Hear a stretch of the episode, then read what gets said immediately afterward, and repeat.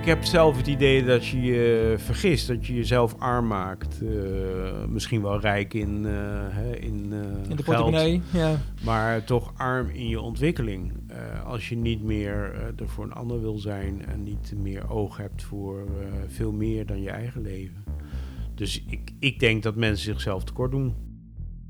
Vanuit mijn schuur ergens in Nijmegen-Oost is dit 0247, de podcast over bijzonder Nijmegen.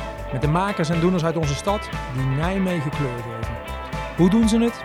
Waar komt hun passie vandaan? En wat kunnen wij van hen leren?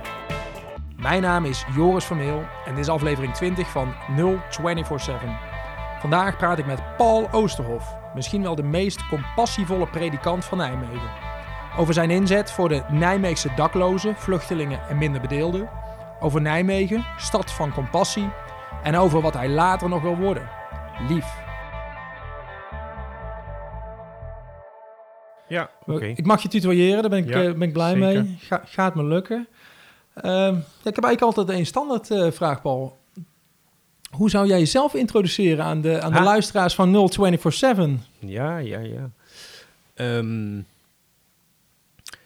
ja, dat is nog een moeilijke inderdaad. Nou ja, goed, ik ehm, zou kunnen beginnen natuurlijk met mijn, eh, met mijn vak. Hè, dat ik predikant ben. En dan voor een speciale opdracht voor eh, vluchtelingen en eh, voor dak- en thuislozen en zo. Is overigens wel eh, een tijdje geduurd voordat we het interview hadden. En inmiddels ben ik met pensioen. maar, maar goed. maar ben, je dan nog predikant of was je Ja, predikant? nee, dan blijf je predikant. En alleen die taak, dat takenveld in Nijmegen heb ik niet meer. Omdat ik daar gewoon voor betaald werd. En eh, dat houdt op als je dan met pensioen gaat. Maar een predikant is een titel voor het leven, moet ik Ja. het zo zien? Ja, dat klopt. Echt ja, waar? Ja, dat blijf je, je blijft gewoon eh, je recht als predikant houden. En dat betekent dat je voor kan gaan in kerkdiensten en eh, dat soort dingen. Dat blijf je doen. Blijf ik ook doen, vooral in de Stevenskerk.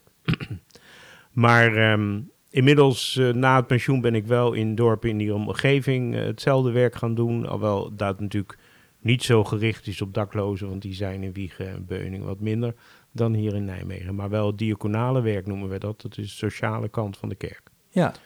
Maar goed, dat is mijn werkkant natuurlijk. Ja. Ja, ik ben niet alleen het werk, alhoewel ik best wel... eh, nou, workaholic zal ik maar niet zeggen, want dat is net te veel. Maar er gaat wel veel tijd eh, in zitten over het algemeen. En dat doe ik met plezier, dus ja... Dan zit je al heel dicht bij, eh, bij dat workaholic-achtige. Maar, Maar, werk en privé lopen in elkaar eh, over. lopen natuurlijk ook wel een deel in elkaar over. Zeker, hè? je werkt ook s'avonds en je werkt eh, zondag en dus op allerlei tijden. Maar goed, ehm, nu heb ik dan een veel beperktere taak in die dorpen. En ik doe nog iets voor woningcorporatie Thales. Daar heb ik wat groepen met, met groepen praten over wat ze meemaken in de wijken en dergelijke. Omdat ik, Wat voor eh, groepen praten? Groepen? De, de wijk... eh, De bewoners? Nee, nee, nee, de, de werkers. De medewerkers? Ja, medewerkers van Thales. Hebben ze me gevraagd of ik dat wat wil begeleiden. Gesprekken die ze onderling voeren om eh, te kijken van wat komen we eigenlijk allemaal tegen en hoe gaan we daarmee om. En, Oké. eh, dus dat is leuk. Dus dat zijn eh, dingen die ik dan eh, nu nog als ZZP'er doe. Ja. En daarnaast doe ik als vrijwilliger nog een aantal dingen uit mijn vorige werk. Wat, eh, hè, dus uit dat werk, dat diaconaal predikantschap. Wat ehm, eigenlijk niet zo goed opgepakt werd door mijn werkgever en dus door mijn opvolger. Ik word maar part-time opgevolgd. Ah, dus je ja, daar moeten wel keuzes gemaakt worden. je had inderdaad. 1,0 FTE. Ja, ik had een volle baan en, En dat dat- wordt half, half opgevuld. Och, dus ja. joh. Dat scheelt wel een stuk in wat er kan. Ja. Dus ik heb ook een heleboel moeten afbouwen eigenlijk in de laatste jaren van mijn werk. Maar goed, eh, ik zag wel dat eh, de aandacht voor de, de, eh, voor de vluchtelingen die dan uitgeprocedeerd zijn, dat is dan de, de bedbad- en broodvoorziening hier in Nijmegen. Eh, dat is een aparte stichting die ik opgezet heb vanuit mijn andere werk toen. En eh, daar werd ik voorzitter van en dat ben ik maar gewoon gebleven. Ja. Want dat, eh, nou, dat is toch ook nodig dat dat gebeurt. Dat doen we samen met de burgerlijke gemeente ook. Hè. Die Ja. geeft subsidie en daarmee kunnen we daar een paar mensen aan het werk hebben. Ik wil daar straks nog wel Ja. verder op ingaan, want je, je hebt meerdere doelgroepen geholpen. Je hebt het nou alleen maar over werk. Ja, nee, dat is, daar begint Je- het wel. je- je woont niet- begint het wel. Nee, ik woon in Mook. Ja, Eh, dus dat is eh, net een beetje erbuiten, maar goed, eh, dat is dichtbij en lekker buiten. Ja. Dat is wel mooi. En ja, ik heb een vrouw en ik heb een aantal kinderen, maar die zijn al lang de deur uit natuurlijk. Want hoe oud ben je, Paul? Ik ben nu 67. Kijk, Ja. de, de, de, de Ja, pensioengerechtigde leeftijd. Hey, en eh, je bent 30 jaar diaconaal predikant van Nijmegen geweest. Bijna Ja. 30 jaar? Ja, bijna. Ja, 1991 volgens mij. klopt. Hoe ben je hier terechtgekomen? Ja, dat is toch eh, gewoon een sollicitatie geweest. Hè? Eh, ik was eerst gewoon predikant in de Noordoostpolder. Oké, hoe kom je daar dan terecht? Ja, ook dat gaat op een gegeven moment. Daar kiezen je je dan voor. Hè? Als predikant, gewoon predikant, word je over het algemeen beroepen, zoals dat dan heet. Ja. Eh, en die dus, ja, mensen zoeken dan een, eh, een nieuwe predikant. En die kijken wat rond en die krijgen advies van het land ook wel. Eh, soms wordt een advertentie gezet. In mijn tijd was dat nog niet zo, maar tegenwoordig wel meer. Daar kan je dus op reageren, toch net zoals een gewone baan. Ja, Maar dan gaan ze je een keer horen, zoals dat dan heet, hoe je de kerkdienst doet en zo. Want dat is toch wel een belangrijk onderdeel. En dan krijg je een beroep. Dus dat was in eh Noordoostpolder. Ja, dan kan je natuurlijk nee of ja zeggen. No- noem de plaats eens, want ik heb ze gelezen, maar ik ben ze vergeten. Ik vond zulke mooie namen. Ja, eh, dat zijn twee dorpen in Noordoostpolder. zijn steeds, ja, toen de tijd in ieder geval, twee dorpen met elkaar eh, verbonden. Dus moest je ook twee keer voorgaan op zondag. En dat was Marknesse, daar Ja. woonde ik. En Luttelgeest. Kijk, Luttelgeest, Ja. dat was het. Is toch een heel bijzondere, ja. Moest je niet te veel grapjes over maken natuurlijk, want dat was dan toch... ze waren trots op hun dorp. Ja. Ja, ja, ja, zeker. En eh, dat was ook goed natuurlijk. Want waar kom je eh, zelf vandaan? Ik kom uit Den Haag, van Oké. origine. Dus van Ja. Den Haag naar de Noordoostpolder. Naar ja, naar. Zwolle als tussenstation. eh. Kijk, hey, en, en als ik dan nog verder terug ga, hè, wat wilde je vroeger worden? ik heb, toen ik op de HBS zat, dat was in mijn tijd nog HBS... ehm, toen heb ik aan het eind getwijfeld tussen scheikunde en theologie om te gaan studeren. Dus dat is nogal verschillend. Je bent scheikunde gaan doen. En toen ben ik scheikunde gaan doen. Want eh, toen, ik had me wat georiënteerd. En ja, ik was eh, heel jong toen ik de HBS klaar had. Echt eh, op de minimale leeftijd. En eh, dus ik was een jaar of 16 toen ik die keus moest maken. En toen dacht ik, ja, ik kan er wel theologie gaan studeren en predikant worden. Maar dan ben ik eh 23 of zo, hooguit 22 misschien, als ik predikant ben. En dat leek me toch een, eh, rijkelijk jong. Ehm, want ja, je gaat toch, eh, wordt toch geacht dat je met wat levenservaring mensen tegemoet treedt. Hè? Als je ja, toch mensen moet spreken in de problematiek van hun leven, dan eh, ja, heb je met 20 nog niet, eh, 22 nog niet veel meegemaakt zelf. En dan kan je daar misschien niet goed in verplaatsen. Maar dat is iets waar je op je zestiende over na hebt gedacht. Ja, ja, ja, zeker. Ja, Maar ja daar was ik heel serieus in. Ja. Hoe weet je dan wat een predikant doet? Ik had op mijn eh, zestiende... ja, maar ik ben wel kerkelijk opgevoed natuurlijk. Ik Ja, want is dat echt eh, iets wat je van... Dat heb je vanuit ja, heb ik huis van jongs mee- af meegekregen. Ja, zeker wel. Ja. Dus ik had daar wel goed kijk op. Ja, Ik wist wel eh, wat dat zou kunnen gaan betekenen. Maar nooit van binnenuit natuurlijk. Maar dat geldt voor elke baan eigenlijk. Hè? Dat je een indruk hebt en een idee. Maar nou, dan heb je nog niet meteen echt het beeld. ja, maar blijkbaar had je, heb je er op de zestiende zo goed over nagedacht. Je bent nu 67, je hebt er een leven als predikant op zitten. Ja, Dat je dat ook wel goed hebt ingeschat, zo terugkijkend. nee, zeker wel. Ik eh, vind nog zelfs... eh, ik ben al later, niet zo heel veel later predikant geworden. Want toen ik scheikunde had afgerond... Toen dacht ik van ja, ik moet toch predikant worden. Dus toen ben ik doorgegaan met de studie.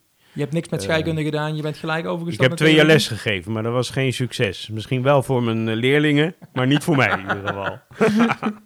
dat van, ja, ik was op een, een MAVO in Rotterdam. eh, en dat, nee, die waren mij te snel af, laat ik het maar zo zeggen. Soms moet je er ook achter komen wat je niet wil doen. Om Ja, nee, uiteindelijk dat was iets te gaan doen wat je wel wil doen. Ja. Ja. Nee, ik vond op zich de scheikunde in het laboratorium wel heel, heel bijzonder hoor. Heb ik ook dus een paar jaar in de studie dan op een lab, lab gewerkt. Maar toen dacht ik toch wel van, nou, ik geloof niet dat ik daar mijn leven mee ga vullen.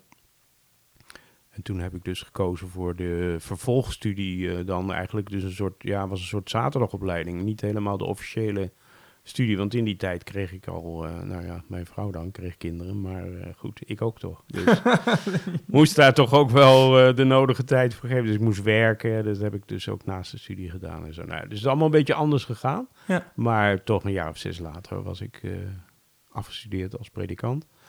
En eh, toen werd, kreeg ik dus beroep in Magnessen. Wat Ja. trok je zo aan in dat predikantschap? Wat, wat leed je er zo mooi aan? Hm. dat is toch ehm, dat je eh, ja, dat mensen toelaten om, om dicht bij, ze, bij, je te zijn, bij hen te zijn als er een moeilijke periode in hun leven is. Of een leuke periode natuurlijk ook, laten we wel wezen. Mhm. En er worden ook kinderen geboren, huwelijken gesloten. En daar ben je als predikant ook bij betrokken. Ja. Vaak, tenminste. Eh, iets na de geboorte dan natuurlijk. Maar eh, ja, dat is toch dat is allemaal leuk. Ja. Dat is eh, heel stimulerend. Mensen zijn dan natuurlijk toch in een blije fase. En, maar goed, eh, heel vaak is het ook wel dat, je, ja, dat er iets misgaat of wat dan ook. En dat je hun steun en toeverlaat kan zijn. Ziektes, overlijden. Ja, inderdaad. Dat vond ik altijd wel heel eh, boeiend. Dat heeft me ook wel eerst tot dat vak eh, ge- getrokken. Maar ik merkte wel dat het mij iets te, te klein was in de zin van dat het altijd om persoonlijke gebeurtenissen gaat. Om persoonlijk leed of persoonlijke vreugde. En ehm, daarvan dacht ik op een gegeven moment, ja, er moet meer zijn wat dat betreft. Dus ik heb toen gekozen voor een switch naar die sociale kant van de kerk. Dus dat je als kerk iets kan betekenen in de maatschappij. Kon dat ook al in Mark Nessen en in Luttelgeest? Of, eh, Nou ja, minder. minder. Daar, word je, daar word je toch, als gewoon predikant word je toch behoorlijk in beslag genomen door al die andere dingen inderdaad. Dat je eh, nou, naar mensen toe moet. En eh, ik heb dat natuurlijk wel geprobeerd, want het zat wel in me. Maar ehm, de problematiek daar was ook veel meer persoonlijk dan, ja, wel een beetje een landbouwproblematiek natuurlijk. Maar Noordoostpolder was natuurlijk best een, eh, nou ik weet niet of je het kent, maar eh, dat is natuurlijk een gebied waar mm, wel welvarend en waar de toen de tijd in ieder geval de eh landbouwmogelijkheden nog best groot waren. En, eh, en boeren nou, een goed bestaan hadden, laten we het zo zeggen. Ehm, en niet zoveel discussie was er toen nog over eh, de milieukanten. En eh, ja, dat was in de 80 naar 90. Het was er natuurlijk wel, maar daar werd je niet populair mee als je daar veel eh, over zei. Nee. Dus dat, ehm, daar was ik dan toch ook toen nog best jong voor eigenlijk. Hè? Want dan, nou ja, dan was ik wel... toen ik hier naar Nijmegen was ik ja, mm, nou net in de dertig eigenlijk. En ehm, ja, dat, eh, dat, dat begint dan een leeftijd te worden dat je wat levenservaring meepakt. Dat, eh, dat is zeker wel waar. Dus eh, En voelde, je voelde dat je, de, dat je meer wilde doen dan alleen mensen helpen bij hun individuele uitdagingen, Ja. indivi- individuele ervaringen. Waar merkt je dat aan? Ehm, ja, ik, ik, ik had vaak het gevoel, en dat heb ik natuurlijk nog steeds wel, want ik ben zeker niet de enige in de kerk, maar dat de kerk veel te, klein denkt. Veel te veel denkt aan zichzelf, aan de, wat wij dan de binnenkerkelijke dingen noemen. Van hoe houden we de boel draaiende, hoe kunnen we dat kerkgebouw betalen en al dat soort zaken. Die natuurlijk niet onbelangrijk zijn, dat zal ik niet, eh, niet zeggen. Maar voor mijn gevoel gaat het daar niet om. Als je vanuit het evangelie denkt, dan gaat het om, om de wereld. En om te kijken van hoe kan je die beter maken. En dat komt altijd wel wat aan bod. Ook wel bij het gewone werk. Maar eh, ik vond dat wat aan de magere kant. Dus eh, Te veel naar binnen gericht, te Ja. weinig naar buiten. ja, inderdaad. En dat heb ik natuurlijk hier in Nijmegen voluit eh andersom kunnen draaien. Hey, en, eh, je zegt net, je wilde de overstap maken naar de meer sociale kant van de kerk. Het diaconaat is dat dan? ja, eh, ja. hoe, hoe maak je zo'n overstap? Moet je, dan, moet je dan weer opleidingen doen? Of, of, of- Nee, nee, dat is niet... hoe werkt Het zit allemaal wel qua opleidingen, zo zit het allemaal wel in je, in je predikantsopleiding. Iets minder aandacht dan ik gezond zou vinden, maar oké, dat zit er wel in. En ehm, het is meer dat er dus eh, op een gegeven moment gevraagd werd om een, eh, om een diaconaal predikant. Om een predikant die dus speciaal was vrijgesteld voor eh, die diaconale kant, die sociale kant. En dat sprak mij aan toen ik die advertentie zag hier. Die werd in, hier gevraagd, Ja, ja. ja, die werd hier gevraagd. Er zijn er wel meer in landen hoor, een stuk of twintig ongeveer, denk ik, in zijn totaliteit. Ehm, vaak bij een grote stad, hè, waarbij een, een diaconie nou ja, geholpen wil worden in hun, eh, in hun werkzaamheden. Want diaconie bestaat, hè, dat is dus een, een tak van de kerk en bestaat uit vrijwilligers die zich daarvoor in willen zetten. We noemen dat dan ambtsdragers, maar goed, dat is een groot woord.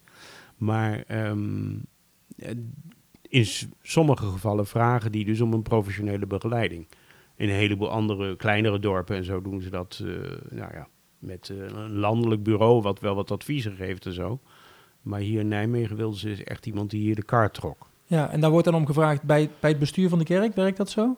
Eh, nee, dan open sollicitatie komt er dan eh, in, eh, ja, in, in trouw, noem maar wat. hè. ja, maar er moet, ik bedoel meer, er, er moet geld voor vrijgemaakt Ja. worden. Je doet het niet voor niks. Nee, dat klopt. Dat moet dus, kijk, er is, de kerk is niet landelijk georganiseerd wat geld betreft, maar plaatselijk. Oké. Hè, dus hier hadden ze dan de keuze gemaakt om daar geld voor vrij te maken. Ja, ja. En eh, zo zijn ze dan nu eh, ja, toch wat aan het minderen in dat opzicht, omdat eh, nou, het geld ook een beetje minder aanwezig is. Ja. Dus vandaar dat ze nu met een parttimer gaan, gaan werken. Hey, en ik heb dit op moeten zoeken, want diaconaal predikant, het woord predikant kon ik, kon ik plaatsen. Ja. Het woord diaconaal, daar had je me niet om een synoniem hoeven vragen. Een diaconaat is er om te voorkomen dat mensen of groepen aan de kant blijven staan. Ja, ja. Is een, is een, heb ik gevonden een- ja, op dat is- wereldwijde web. Ja. Eh, ja, herken je erin? Je, je, ja, een herken- nee, dat, het is niet een vaste definitie die we steeds gebruiken, bij wijze van spreken. Maar Nee. het komt er natuurlijk wel op neer dat je eh, mensen betrekken wil. Hè, de, kijken van eh, dat ieder een kans krijgt, hè, dat soort dingen. Maar daar ben je natuurlijk als, als kerk niet alleen in. Hè. Ik bedoel, er zijn natuurlijk een heleboel andere organisaties die ook proberen om mensen tot hun recht te laten komen. Dat is dan meestal de, de vorm waarom wij, waarin wij het zeggen. Ehm, dus ja, da- daar probeer je dus ook zoveel mogelijk in samen te werken. Eh, maar ik heb dat dus geprobeerd vanuit kerkelijk verband. En Ja. daar mensen bij betrekken natuurlijk. Hè. Ik bedoel, eh, het is natuurlijk wel ook de bedoeling dat je die vrijwilligers meekrijgt vanuit de kerk. Dat die zich inzetten voor van alles. Weet je, je eerste dag nog, in 1991 ongeveer, dat je hier aankwam in Nijmegen, je verhuisde. Ja, ja.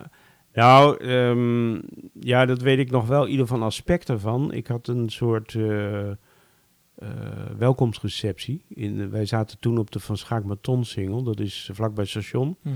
En daar zaten we in het souterrain.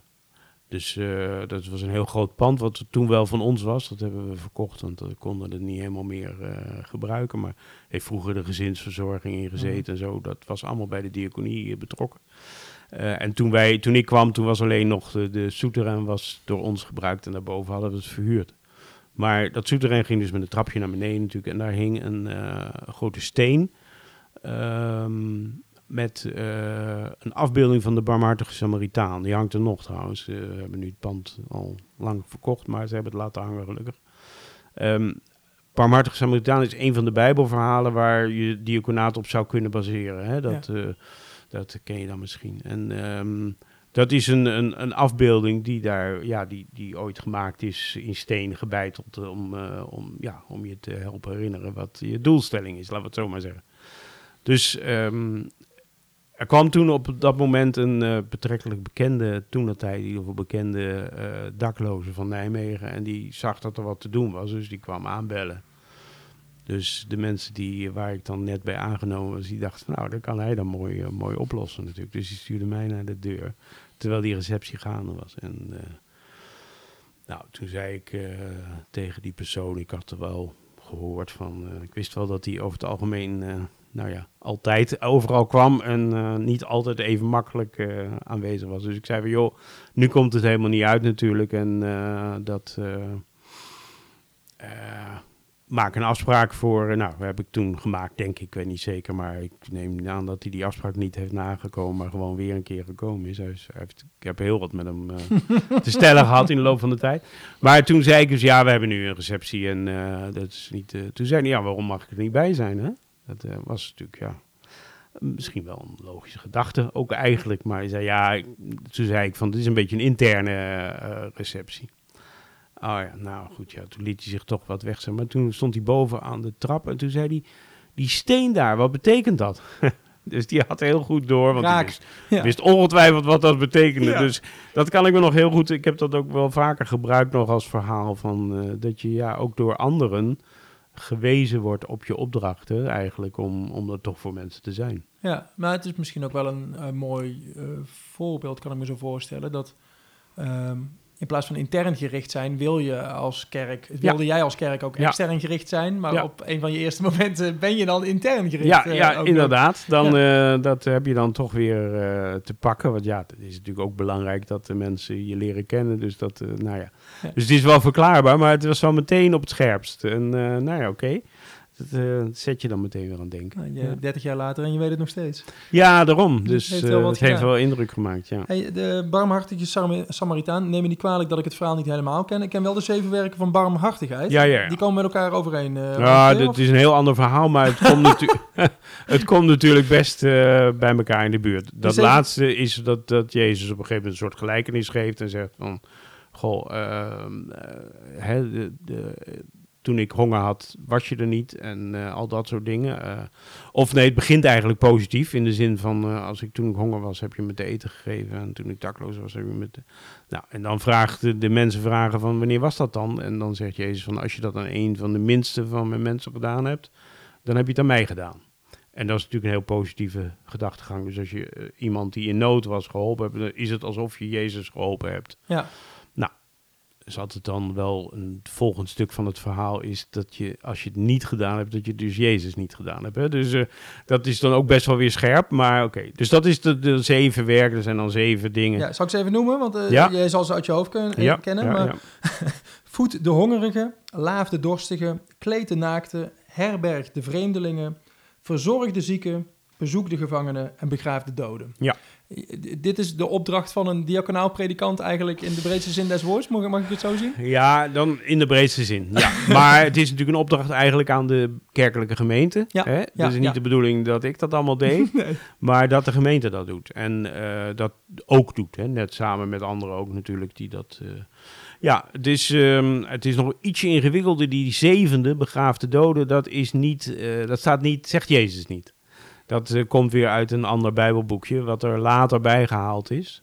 Wat wel belangrijk was natuurlijk ook in de, ook in de pesttijd. En eh, dat je het dus wel aandurft om eh, de besmette mensen, als je aan ebola denkt en zo, dan, nou, dan zie je het zo voor je. Hoe dat een zware opdracht kan zijn. Ja. En wij hebben als diaconie ook wel een begraafplaats gehad, want dat gebeurde dus heel vaak. Dat de diaconie ook een begraafplaats had. Rustoord hier in Nijmegen. Ja, dat was, hier op de ja, postweg, geloof ik. Hè? Ja. dat was van de diaconie. En dat, maar dat was al ver voor mijn tijd eh, doorgeschoven naar Monuto. Hoor. En, eh, dus daar had ik niks meer mee te maken. Maar die zes andere dingen zeker wel. En eh, daar hebben we dus steeds gezocht naar mogelijkheden. En zo heb ik bijvoorbeeld de voedselbank opgezet. Hier Ja, laten we, laten we naar concrete voorbeelden komen. Ja. Eh, Want, want je kwam aan in 1991, eh, toen was het nog intern gericht. Hoe zorg je dan voor dat het wat externer gericht wordt? Hoe, hoe, hoe, hoe loopt zoiets? Mm, Ja, nou, ik, ik zelf heb daarvoor gekozen om eh, natuurlijk wel eerst de verbinding goed met de mensen te zoeken die er zijn. Hè? Ja. Want anders dan eh, ben je een locomotief zonder eh, dat er eh, wagens achter zitten. En toen vervolgens eh, toch wel zoveel mogelijk gekeken naar eh, wat is hier nodig in de stad. En wat is er al? Hè? Waar, waar kunnen we mee samenwerken? Dus ik heb een breed netwerk opgebouwd van eh, alle hulpverlening en dergelijke om daarmee eh, in contact te treden. Ja, want neem de dakloze bijvoorbeeld. Hè. Die kwam op je eerste dag, kwam die, zich al, Ja. kwam die ene Ja. zich al melden. Ja, Eh, je- wat zag je? Daklozen had je niet in Marknesse en in Luttelgeest waarschijnlijk. Nee. een stuk minder. dus wat wij als diaconie gedaan hebben samen met anderen is wel dat we, nou, heeft een hele geschiedenis gekregen, maar we, eh, op een gegeven moment zijn we voor daklozen ook eh, hun uitkering gaan beheren. Want wat er dus, wat ik veel tegenkwam is dat, eh, ja, mensen konden wel een dakloze uitkering en dat is een wat lagere uitkering dan gewoon, maar omdat ze geen kosten van, van wonen hebben. Kan je over twisten, maar oké, dat, dat is toch zo. Ehm, maar ja, als dat zonder dat ze een rekening hadden in hun achterzak werd gestopt op de eerste van de maand, dan is dat natuurlijk de halverwege de maand, zo niet eerder, denk al op. Ja. Hè? Dus Ja. dat, dat was niet zo slim. En dan kwamen ze natuurlijk ja, bij verschillende instanties, onder andere bij ons, vragen van, eh, ja, ik heb niks te eten. En, eh, nou ja. Dus op een gegeven moment hebben wij wel het, het budgetbeheer voor daklozen opgezet in Nijmegen. En ehm, daar zijn we als diaconie mee begonnen. Eh, maar vervolgens eh, bleek wel dat iedereen zei van ja, dat is eigenlijk wel belangrijk dat dat gebeurt. Dus toen is bij Iriszorg is dat ook gekomen. En is nog een eh, andere instantie die dat is gaan doen. Dus ehm, nou, wij hebben het ook langdurig gedaan, maar op een gegeven moment hebben we dan de laatste twee jaar, omdat ik zag dat ik dat niet, mijn opvolger niet zou kunnen voortzetten, heb ik dat afgebouwd. Maar goed, dat hebben we dus veel gedaan. En in, ja, er zijn wel tijden geweest dat we van zo'n 50, 60 mensen het, eh, de uitkering beheerden. Dus ja, dan kregen wij het geld op onze rekening binnen en wij moesten het in de loop van de maand proberen Te verdelen. over te de verdelen, zodat ze ook een paar vaste lasten hebben. Toch nog wel verzekeringen en zo, dat is, blijft nog. Maar dat is een super praktisch eh, Ja, iets eh, eigenlijk. praktisch, waar, ik, ja. waar ik verrast door ben dat zo'n taak ligt bij... eh, Ja, je zou kunnen zeggen dat het meer maatschappelijk werk is, bij wijze van spreken. Ja. Dat, dat, nou ja, de een verweet me dat ook wel, hè, dat ik dat deed. Maar ik vond gewoon dat dat de beste manier van hen helpen was. En. En als het door ehm, iemand anders niet gebeurde, dan doen wij het wel. Ja, ja. En dan is het wel, je loopt dan een risico, dat heb ik ook zelf wel ervaren, dat je te lang eh, bij je houdt. Hè, omdat je denkt van, hé, dat is ook belangrijk. En daardoor heb je ook contact met eh daklozen natuurlijk. Want Ja. ik had op een gegeven moment eh, twee keer per week eh, spreekuur. ofwel in de, eerst in de Verschaak met Tonsingel, maar toen we daar weggingen dan in Lutse Kerk. En eh, ja, daar kwamen dus de mensen dan ook een deel van hun geld halen. Ja, dus dat was een reden om weer terug te keren, zodat Ja. jij ze kon en, daar, begeleiden. ja, en daardoor konden we ook wel, eh, hebben we steeds meer de hulpverlening erbij betrokken. Eh, omdat we dus toch in beeld hadden, bij wijze van spreken. En we konden dus ook zien wanneer het ja, slechter met ze ging. Of bijvoorbeeld hebben we de, de arts voor de buitenzorg, heet dat hier in Nijmegen. En dat is zijn vrijwillige artsen die dus eh, als huisarts willen functioneren voor eh, de dak- en thuislozen. Dus die hebben we ook op een gegeven moment op dat spreekuur gehaald. Zodat eh, nou, ook naar de gezondheidssituatie van mensen meer gekeken kon worden. En andere dingen van, hè, want ja, dakloos ben je niet echt uit overtuiging. Enkeling wel, maar de meeste uit eh, problematiek. Ja, En eh, dus hebben we ook steeds meer gezocht naar eh, waar kunnen we wel bijvoorbeeld een hulpverleningstraject eh, met eventueel dus ook dat ze ergens konden wonen en zo. Ja. Dus nou, dat, ehm, dat heeft daardoor wel, dat is een goede vorm geweest denk ik om het contact met de daklozen te hebben. En, Hoeveel en dak- hoeveel daklozen kent Nijmegen op dit moment?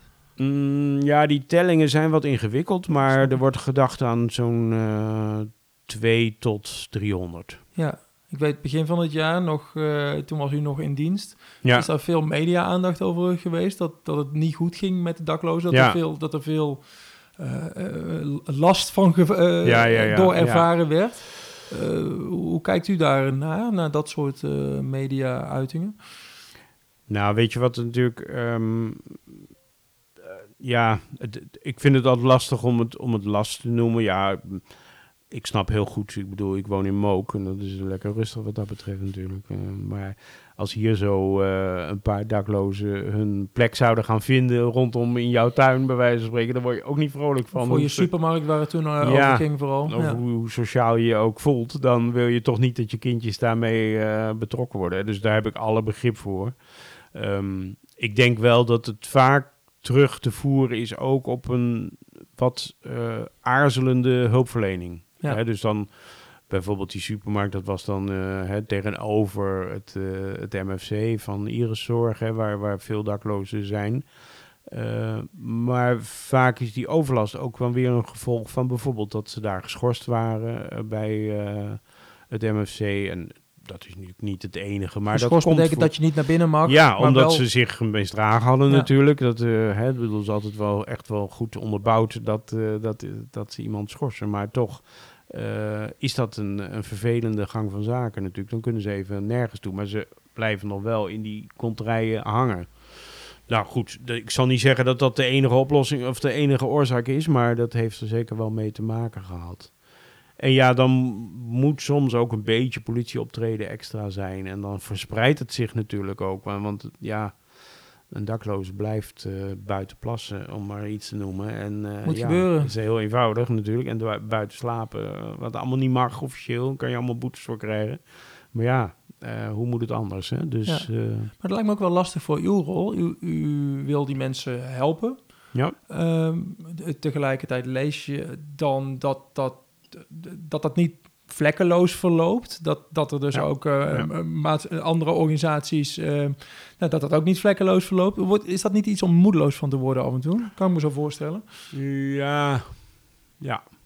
Nou, dat is wel zo. Het enige wat je eraan kan doen is toch kijken of je het aan de orde kan stellen. Hè? Of je proberen kan je ervaringen dan ja, toch een beetje aan de, aan de bel te trekken. En, Aan de bel te eh, trekken van politiek. Van, eh, eh, bijvoorbeeld, ja, nee, veel contact inderdaad met BMW gehad over al dit soort dingen. Maar ook wel bij de hulpverlening zelf, hè, van ook wel de, de leiding daarvan. Dat is dan vaak toch waar het aangesproken, want het is altijd een bepaalde beleidskwestie waarom dingen niet helemaal lekker lopen. Dat is niet, meestal niet de oorzaak van degene die met zijn poot in de modder staat tussen de daklozen zelf, maar meer hogerop waar, ja, waar mensen toch besluit, besluiten moeten nemen, denken te moeten nemen, die negatief uitwerken voor de doelgroep. ja, dus een, deel van uw werkzaamheden had ook gewoon lobbyen. eh, ja, in zeker, zeker. En ze nu en dan eh, toch eh, ook ja, een beetje uh, luizende pijls zijn. Dat heb ik wel veel gedaan. En ja, dat, dat werd natuurlijk niet altijd... zullen wel eens gedacht hebben van... nou, daar heb je hem weer even uit laten kletsen... en dan ga ik weer verder. Maar nou, ik geloof toch ook wel dat het soms eh, enig effect had, ja. Ja, want als ik, als ik dat zo hoor, dan heeft u eigenlijk als eh predikant, diaconaal predikant, m- meerdere rollen in zich. Hè? U, u vertelde al een soort bruggenbouwer tussen de verschillende organisaties. Je doet het niet alleen. Nee, U een zeker luizende niet. pels. Zeker niet, zeker een, niet. Een aanjager, een aanklager, Ja, een helper. ja, al dat soort aspecten zitten erin. Ja, zeker. Ja, Zeker. mooi. Ja. Hey, u, u, Ja. u zit ook achter... En de- je zit op u, hè? Oh, sorry. zouden je doen, maar ik, ik, ga, ja, ik blijf mijn best doen. Dankjewel. ja. Hey, eh, ik wilde weer u zeggen, je zit ook achter straatmensen voor straatmensen. Klopt dat? Ja. Het is nog iets anders gelopen. Er was een clubje eh, die, op de, nou, die eigenlijk zelf dakloos was en die hier aan eh, begonnen aan dit project. En toen zeiden ze van ja, ehm, ja zou jij niet eh, ons kunnen vertegenwoordigen bij de gemeente? Zou je niet voorzitter van de stichting willen worden en zo? Want dat vinden we allemaal een beetje ingewikkeld. En, eh, dus toen ben ik door hen gevraagd eigenlijk om eh, voorzitter te worden van die stichting van Straatmensen voor Straatmensen. Wat deze? Die eh, doen ze nog steeds. Eh, ja, geven maar maaltijden op straat. Hè. Eh, hebben een stuk of, nou, nu zeg ik we, maar dat, ik ben, heb het tien jaar gedaan of zo. En toen heb ik iemand anders gevonden die dat voorzitterschap kon overnemen. Ehm, maar ik heb nog steeds wel contact met ze. Ehm, ze ongeveer vier keer per week staan ze met een grote pan soep of, of een pan met een, eh, nou, een hutspot of iets dergelijks. Hè. Dus is dan een kok die dat thuis maakt. eh, en dan zetten ze wat tafels buiten. En daar gaan ze dan uitdelen op het vaste tijd. Waarom, wa- waardoor dus de daklozen ook weten dat, dat dat er dan is. En waar is dat dan? Ehm, laatste wat ik weet, en ze zaten wel een beetje te rommelen met de plek, maar is ehm, achter het oude stadswinkel. Weet je wel, waar de stadswinkel zat. Ja, bij, Als je dan iets de naar de, naar de bioscoop gaat, dan is er een soort luifel. Ja. En daaronder die luifel zaten ze dan. Kijk. En daar vlakbij hadden ze een opslagplekje. Hebben ze een opslagplekje waar dan eh, wat tafels stonden en eh, wat pannen en zo. Die dan eerst natuurlijk naar iemand toe gingen die dan ze ging vullen.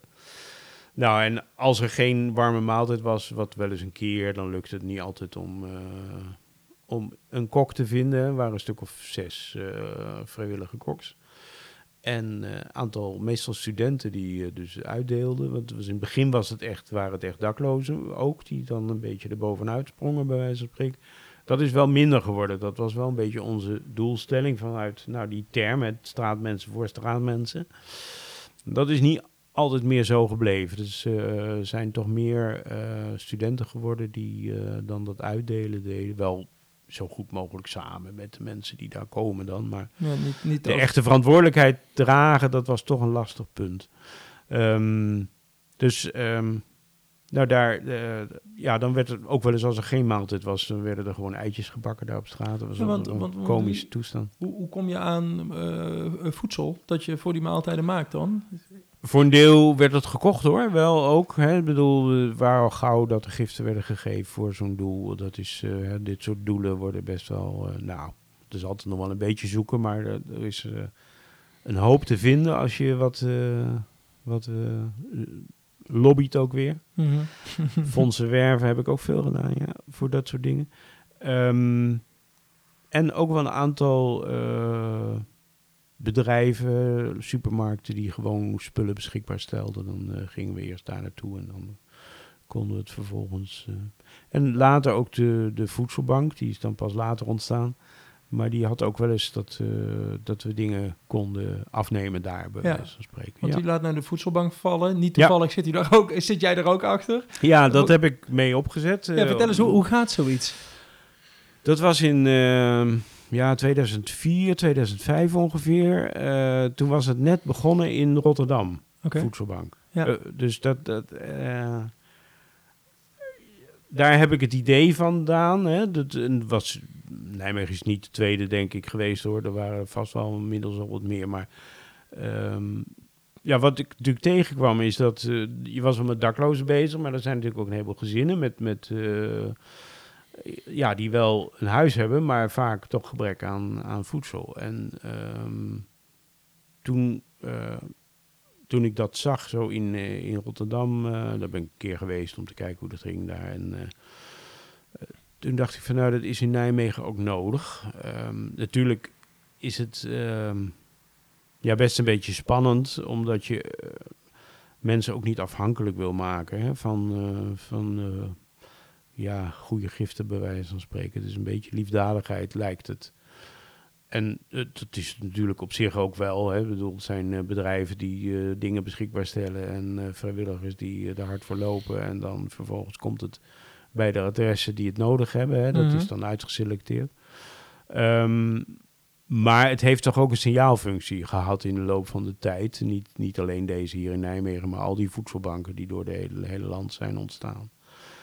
En daardoor is wel armoede meer op de kaart gekomen als thema. En, eh, Het werd zichtbaarder. werd zichtbaarder en eh, de, nou, men ging er meer over praten, met meer beleid opgemaakt ook. Ja, Moeten we zien te voorkomen. Zeker daar als er kinderen in het spel zijn. En daar wordt dan nu zo langzamerhand echt wel veel dingen gedaan om, eh, om te proberen te voorkomen dat kinderen in armoede moeten leven. Maar hebben we het toch ook nog niet opgelost. Maar goed, Nee. wel beter dan het vroeger was. Dus ja, dan, eh, ja, dat begint dus natuurlijk met een paar adressen. En eh, ik weet nog wel dat we eerst een paar keer eh, met karretjes door de Albert Heijn liepen om de spullen te kopen. Ja, Toen je... moesten we ze kopen, want we hadden nog niks. Hè. We Ja, hadden nog geen, nee, was nog niet opgebouwd. Het principe van de voedselbank is natuurlijk dat je ook verspilling van voedsel tegengaat. Ja, het hè. werkt Niet aan twee alleen kanten. armoede- ja, werkt twee kanten op. Ja. En eh, dat was dus in het begin nog niet eh, goed te realiseren. Er moest gewoon hard aan gewerkt worden om eh, bedrijven zover te krijgen dat ze wat gingen geven. En nou, we zijn geloof ik in het begin één keer naar Rotterdam gegaan. we hebben een vrachtwaggentje meegenomen. Maar dat helpt natuurlijk niet. Dat is de afstand te groot om dat Om elke voedsel keer te- doen. te ja, ja, ja, Ja. dat hadden zij wel beschikbaar. Maar wij hebben dat dan één keer gedaan. Maar toen dachten we, nou, dat moet anders. Dus, dus we zijn hier gaan acquisitie gaan doen bij de verschillende bedrijven en zo. En daar waren veel vrijwilligers voor te vinden hoor, die dat eh, gingen doen. Dat heb ik zeker wel. Ik heb het georganiseerd, maar ik heb zeker niet eh, daar de hoofdmoot in het sjouwwerk gedaan. Want hoe ging dat dan? Eh, hoe, bou- hoe bouwde het zich op? Had je een eigen plekje waar mensen Ja. uit zichzelf naartoe kwamen? Of, Wij hadden eh, ook nog heel primitief, moet ik zeggen. Maar we hadden van Iris Zorg, daar had ik toen goede contacten mee. Dus de, de verslavingszorgorganisatie. Hè. Had ik goede contacten mee. En die zeiden van ja, wij, kunnen, wij hebben wel een, eh, een loods ergens. Kamerling Onderstraat of zo. Ik weet niet of je het kent daar, maar dat is ergens eh, zo bij eh, Ta- Talita Kumi, dat, die school. Nou, maakt niet uit. de Doet stad? er niet toe. Ergens in de stad. Ja. En die loods, ja, er was wel één etage hoog. Dus, nou, dat kon je wel met een trap naartoe. Maar dat was natuurlijk met die pakketten sjouwen niet echt anders. handig. Toen hebben we een of andere eh, bouwlift eh, georganiseerd... die dan de pakketten heen en weer konden brengen. Nou, daar hebben we wel een paar jaar gezeten met die eh, loods. Maar wel dat we zeiden, ja, dit kan niet blijven. Dus we zijn gaan zoeken naar een andere plek. En subsidie van de gemeente om die plek te bekostigen. Dat is gelukt en dat wordt nog steeds Inmiddels is het weer een andere plek overigens, maar goed. eh, Zit nou ergens achter de, wat is het, achter de Touwenweg of zo, die kant ja, op? het zit inderdaad op het oude het, de, Winkelsteegse weg is Die, dat, hè? ja, ja, precies. Ja, we hebben hier in de derde Walstraat gezeten met een loods. eh, en eh, deze loods is weer groter, want er zijn nog weer meer adressen geworden. Ja. Dus, ehm, Maar je zegt eigenlijk is het een heel concreet iets om, zichtbaar, om een probleem zichtbaar te maken, zodat er ook beleid op gemaakt werd. Was dat, Ja. was dat ook wat u voor ogen had? Of was het op dat moment gewoon eh, helpen en ervoor zorgen dat er op dat moment ge- geholpen werd? Ja, maar het is eigenlijk in dat, dat diaconale werk is altijd eh, eh, bedoeld dat het twee kanten op gaat. Dat het eh, dus wel mensen helpt, maar dat het ook de maatschappij eh, verbetert, verandert. Ja, dus er zit altijd ook een, een profetische oproep, zou je kunnen zeggen. Dat is een beetje groot wo- woord, maar oké, eh, toch van... Hé jongens, op deze manier gaat het niet goed in deze wereld en eh, dus er moet wat veranderen. En we doen nu even hulp, maar we helpen ook vaak onder protest. Dat is dan de kreet die we Ja, daarbij aankoppelen. Hè, dat we dus meteen ook zeggen van ja, we helpen wel, maar ehm, we zeggen meteen ook tegen de regering landelijk, maar hier dan eh, meer dan natuurlijk eh, BMW. Van jongens, eh er moet iets anders gebeuren. En zeker zijn we daar niet de enige in geweest, maar meerdere hebben dat natuurlijk aan de kaak gesteld. En is er wel steeds meer oog voor die armoedeproblematiek in de stad gekomen. ja. Eh, eh, mooi, helpen onder protest. Ja, ik help Ja. wel, maar ik doe het liever niet. nee, eigenlijk uh, dat is uh, het punt. De, kijk, je loopt natuurlijk ook altijd. Het lastige is, je hebt ook een aantal enthousiaste vrijwilligers die er niet aan zouden moeten denken dat het uh, ophoudt. Hè? Dus uh, dat is altijd nog een beetje ja. tricky. Maar... Door een ander te helpen, help je ook jezelf. Uh, ja, nee, natuurlijk. dat blijft zo, inderdaad. Je doet vrijwilligerswerk ook voor een deel voor jezelf. Ja. Dat is zeker zo. En dat is ook helemaal niet erg. Uh, als je het je een beetje realiseert, dan, uh, dan nou, snijdt het mes aan twee kanten. Ja, hoe, geldt, dat geldt ook voor jullie. uh, Voor, voor, ik wilde je zeggen, maar dan kwam dat ook weer ja. u achter. Ja. Dat geldt ook voor jou, kan ik me zo voorstellen. Je hebt hele mooie dingen opgezet. Ja. Wat, wat zijn nou de mooiste momenten in jouw carrière geweest, uh, terugkijkend? Ja, de, ik heb altijd wel het meest genoten van uh, als, uh, als de breedte van uh, de stad aan bod kwam. Hè? Als je op dagen contact had met de wethouder, maar ook met de daklozen. Um, ik heb zeker ook het werk voor, en dat zet ik dus nog door, voor de, voor de uitgeprocedeerde vluchtelingen belangrijk gevonden. Ja, kun je daar nog iets over vertellen? Jazeker. Um, dat is dus op een gegeven moment, um, nou ja, als je zo in de stad zichtbaar bent en uh, weet, men weet dat je helpen wil, dan kom je natuurlijk allerlei problemen tegen. En dan is een van de problemen toch dat mensen uh, niet hier mogen blijven hè, als vluchteling maar er wel zijn. Ja. En um, dat is dus uh, door het hele land heen zijn kerken daar vaak mee bezig, met anderen samen overigens, om, uh, om te zeggen, ja, dat zou toch zo niet moeten zijn. Um, wij kunnen natuurlijk geen uh, verblijfsvergunningen uitdelen en we snappen ook best wel dat niet iedereen die zich hier meldt hier zou kunnen blijven. Maar er zijn best wel veel situaties die ja, schrijnend zijn, waarvan we denken van hier zouden we toch een ruimhartiger beleid uh, van de overheid moeten hebben voor uh, toelating van mensen. Um, nou ja, daar sta je dus tegenover elkaar, zou je kunnen zeggen. Maar het bijzondere wel vind ik van de stad hier en van gelukkig nog een aantal andere steden in de landen, is dat bijvoorbeeld het, het gemeentebestuur beseft dat dit een, een werkelijkheid is. En ook niet wil natuurlijk dat die mensen uh, ergens onder de brug uh, liggen. En uh, dus toch mede zorgen voor opvang voor hen. Ja, dit was ook begin van de, wat is het, 2003 of 4 weet ik. ja. Ooit, is dat? dat ja, ook, nee, ook dat is later geweest hoor, Ooit. Dat is, is dat ook een voorbeeld daarvan? Nou, Heumers Ooit is natuurlijk, dat is op zich heel bijzonder dat de gemeente daarin uh, toegestemd heeft. Maar dat was toen die, die grote toeloop van, uh, van vluchtelingen. Um, die nog hè, dat was in de Syrië-oorlogtijd, of nou, die is nog steeds jammer genoeg bezig, maar de eerste tijd daarvan, dat ehm, heel veel van die mensen hebben ook een verblijfsvergunning gekregen. Mhm. Dus dat was een soort eh, tijdelijk, een, een nood-AZC, hè? nood eh, Ehm, en, want toen hadden we even helemaal geen plek. Dus toen hebben ze besloten dat dat in uh, kon.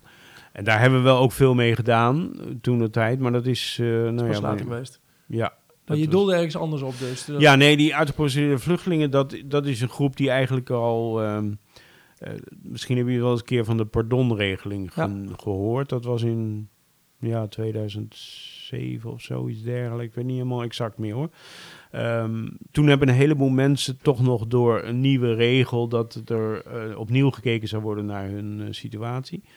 eh, een verblijfsvergunning kregen. En daar waren we toen ook heel actief mee om, nee, om die mensen te helpen. En ook met hulp van de gemeente zorgden we een tijd lang ook voor het onderdak van die mensen. Ook met geld dan weliswaar, want die konden wel zelf hun onderdak vinden, maar hadden helemaal geen inkomsten. En, eh, Want de gemeente was zo ruimhartig om Ja. dat geld eh, ter beschikking te zeker. stellen. Het was Ja. eigenlijk een soort van, ja, is het dat subsidie? Of, ja, eh, ja, zo kun je het noemen inderdaad. En dat zijn grote, we hebben toen wel een honderd gezinnen onderhouden, dus dat was, dat was een drukke tijd. Ja. Deden we ook niet alleen hoor, deden we samen met vluchtelingenwerk en zo, dus eh, zeker.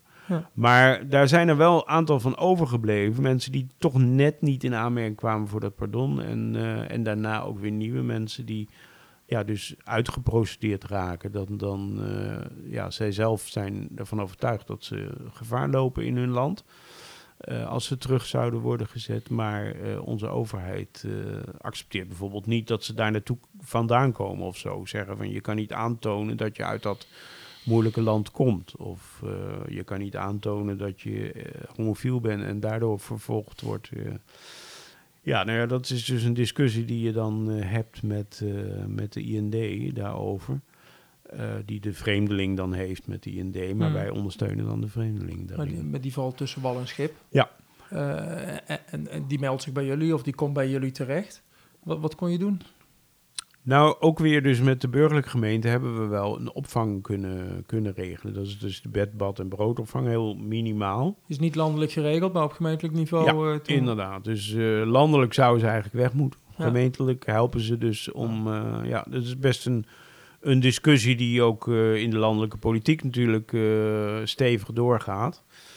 En eh, nou ja, ze denken dan dat ze over een paar jaar dat hebben opgelost. Maar ik weet dat nog niet hoor. Ik geloof dat nog eh, Nee. niet zozeer. Maar ze, hebben dan een- ze denken aan een paar grote opvangcentra die dan eh, dat moeten vervangen en zo. Nou ja, ik weet niet of dat wat gaat worden. Voorlopig hebben wij dus eh, nog, en dat is ook een aparte stichting, waar ik dan voorzitter van ben. Stichting Noodopvang Vluchtelingen Nijmegen. Klopt. En daar, ehm, daar hebben we dus ook subsidie van de gemeente om dat te realiseren.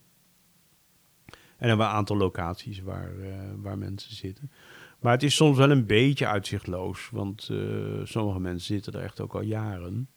En die hebben dan best wel een bestaan. Daar gaat het niet om. Ik bedoel, het is niet zo dat ze helemaal niks kunnen. Maar eh, echt een mooi perspectief is er natuurlijk niet. Lijkt me lastig van Ja. jouw werk, want je hebt met heel Nou. veel mensen te maken die moeilijke verhalen hebben. Dan ga je s'avonds naar huis, naar je vrouw en je belt met je kinderen. En Ja, hoe, hoe gaat zo- hoe gaat zo'n overgang? Neem je, neem je dat mee naar huis of hoe, hoe gaat dat? Dat is denk ik vooral een, eh, eh, een eh, persoonlijke kwestie. Of je daar last van hebt of niet. Zeker? Ja. De, daar moet je een beetje tegen kunnen. En ik, ja, ik kan daar redelijk mee omgaan, gelukkig. Anders had je het ook niet zo lang volgehouden, nee, nee, dan ga je gauw wat anders doen waarschijnlijk. Ja, Ja. ja. En kijk, je, je moet vooral kijken naar wat wel lukt. En, eh, en niet constant naar wat nog niet, nog niet lukt. Ja, Maar goed, natuurlijk eh, zijn er best wel eens momenten dat je zegt van... Goh, wat zijn we nou eigenlijk aan het eh pappen en nat houden. Hè? Doe ik het nou eigenlijk voor? Ja, ja dat, de, momenten heb je wel eens. Dat je, dan ben je moe meestal. Dan weet je dat je naar bed moet. ja, ja, dan moet je even zorgen dat je even beter uitrust en zo. Ja. Ja. Hey, terugkijkend, waar ben je het meest trots op? Ja, ehm, ja, ik geloof niet dat ik er makkelijk één ding uit kan halen. Ehm, het meest trots, en daar heb ik nog helemaal niks van gezegd, maar dat is dus de laatste paar jaar eh, ontstaan. Dat is, noemen we het Huis van Compassie. Dat is eigenlijk uh, vanuit de diaconie ontstaan, maar ook weer verzelfstandigd. En dat is een, een, uh, een organisatie die ehm, ja, dat hele compassie gebeuren probeert te, te stimuleren, ook in de stad. Hè. We hebben daaruit weer voortkomend is dan de kreet Stad van Compassie, dat Nijmegen dat ook zou moeten zijn, is het ook voor een deel zeker. Er is iets voor getekend, hè? In ja, 2018. er is ook nog een officiële, ja, officieel uh, document getekend, zodat we dat allemaal willen. En er zijn inmiddels zo'n, nou, zo'n honderd organisaties die hebben gezegd van, ja, dat willen we eigenlijk ook. Dus dat is best een grote uh, beweging, zou je kunnen zeggen, van, uh, van organisaties die zeggen van, nou, daar wil ik me ook door laten inspireren, door dat, die gedachtegang van compassie. Hey, want compassie, even, wat is compassie? Compassie is behandelde anderen zoals je zelf ook behandeld wil worden. Is dat het uitgangspunt, de leidraad? Ja, dat is eigenlijk de, de uh, ja, dat noemen ze dan de gulden regel, ja. die in allerlei over, levensovertuigingen een rol speelt. Hè. In alle religies, maar ook in levensovertuigingen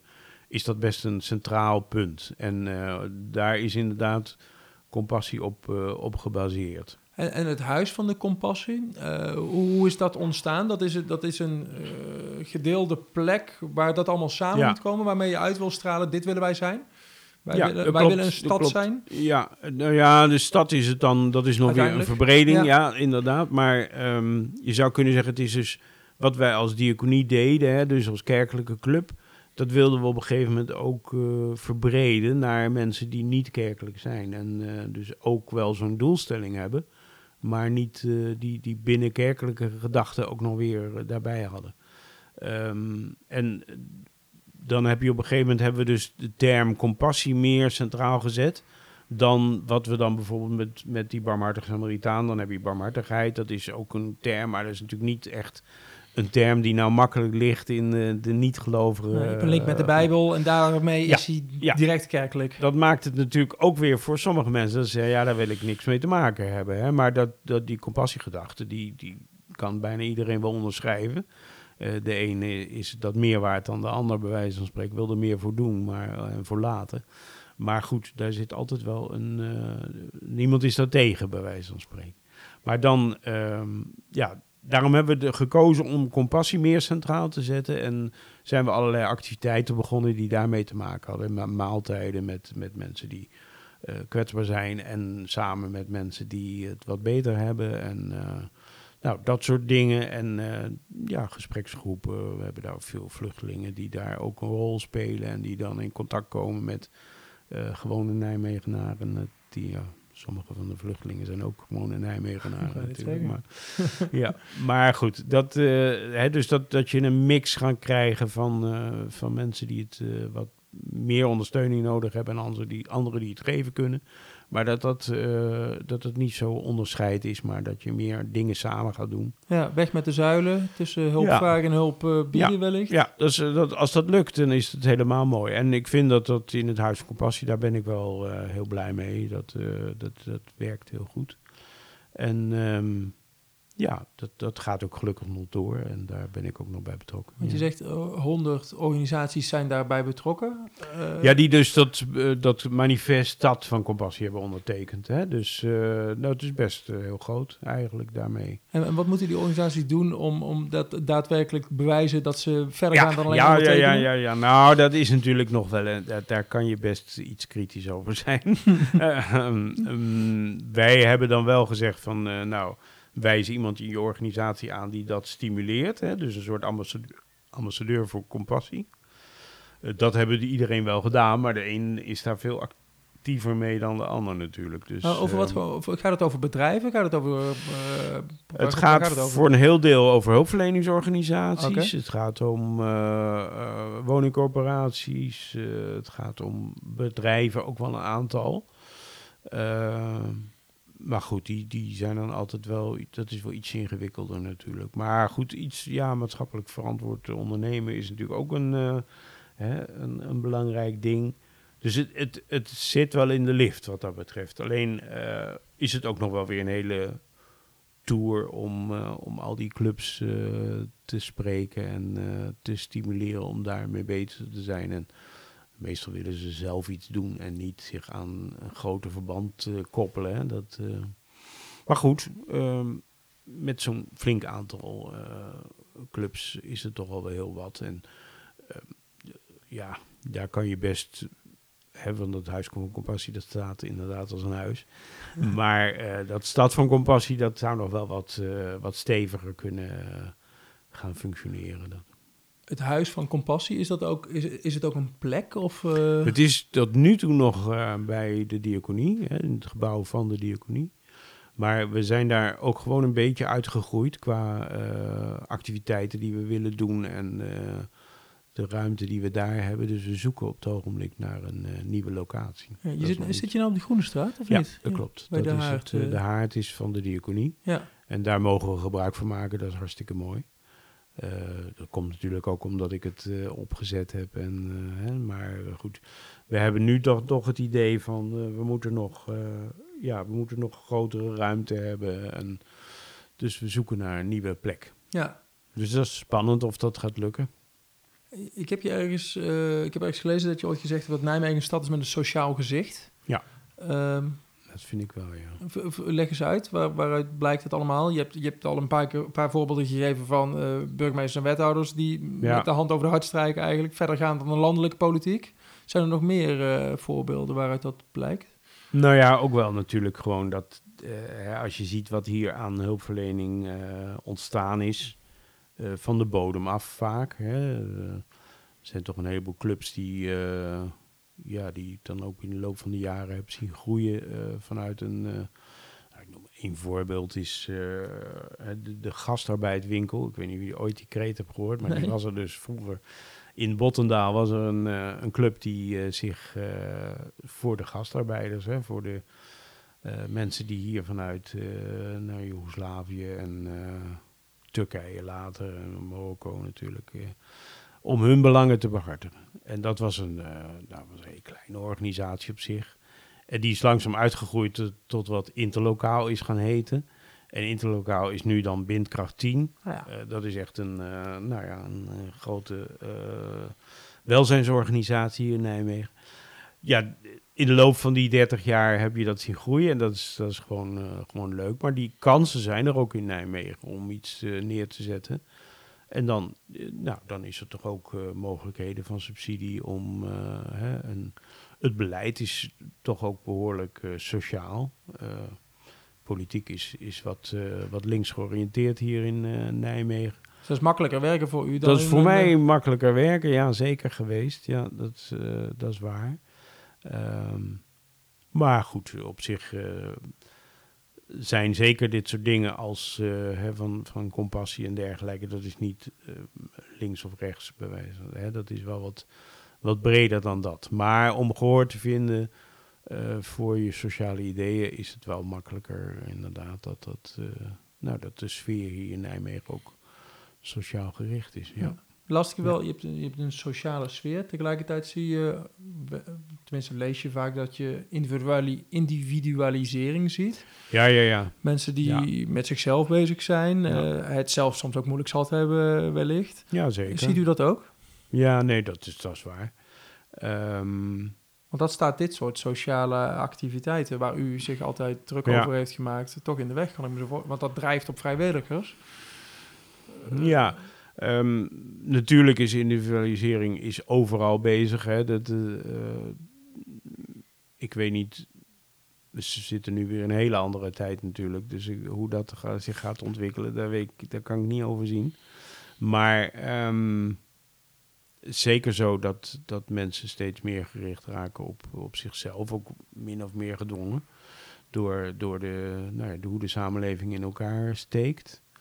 Maar het blijft toch, eh, het is een beetje twee kanten. Hè. Er blijft toch ook een heel grote groep die vrijwilligerswerk doet. eh, en die helemaal niet alleen aan zichzelf, ja ook aan zichzelf. En, nou, daar we het net al over Ja. hè. Dat is ook best iets wat je zelf voldoening geeft en waar je zelf je dingen uit kan halen die, eh, nou, die je enthousiast maken. Maar ehm, ja, ik heb daar nog niet zo'n somber beeld over. En eh, het is geen harde maatschappij in Nijmegen, vind ik. Ja, Ja. die kom je ook voor tegen natuurlijk.